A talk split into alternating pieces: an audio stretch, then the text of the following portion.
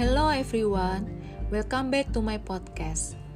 Today I'm going to talk about how mass leaders cooperate with their followers in entering new normal. Since the COVID-19 pandemic, we must adapt in the new normal situation because the way we live is different, the way we work or study has changed, and the way we socialize and connect looks very different. At the first, we will find out what makes a good leader, especially entering in the new normal.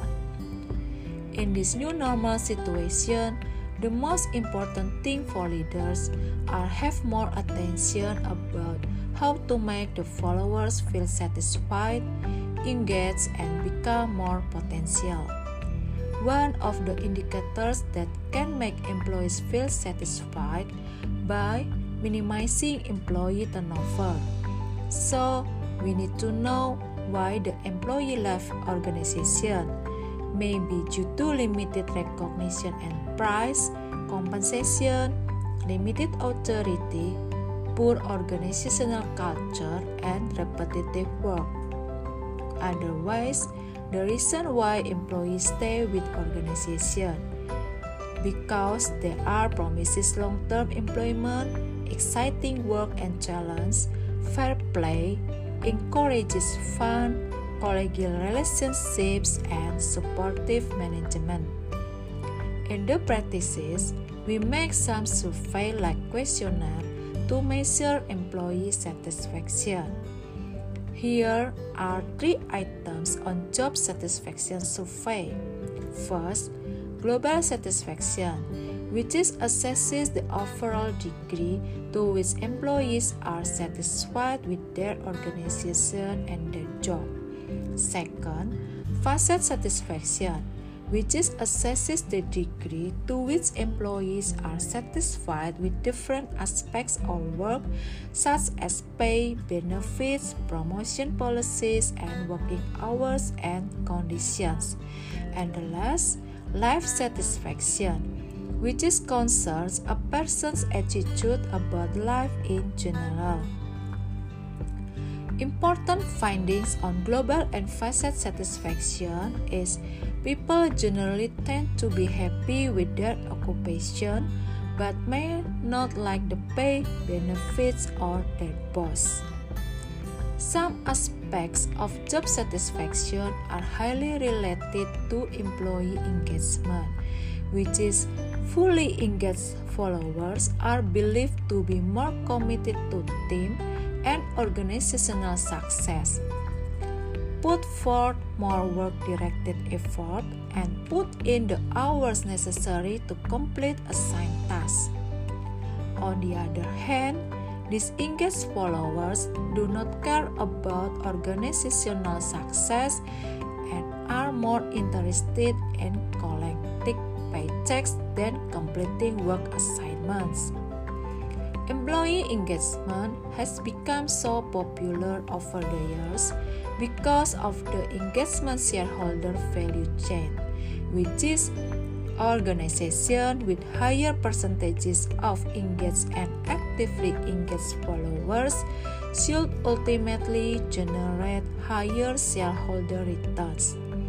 But there are obstacles in improving employee engagement, like some organizations feel obligated to survey employees but not compelled to improve engagement scores. And some followers feel entitled and will never be engaged, and some jobs are almost impossible to make more engaging. And incompetent management, like some leaders have no idea how followers feel about work, and others mistreat their followers and do not care whether they are engaged. Besides job satisfaction and engagement, as a leader must understand follower potential.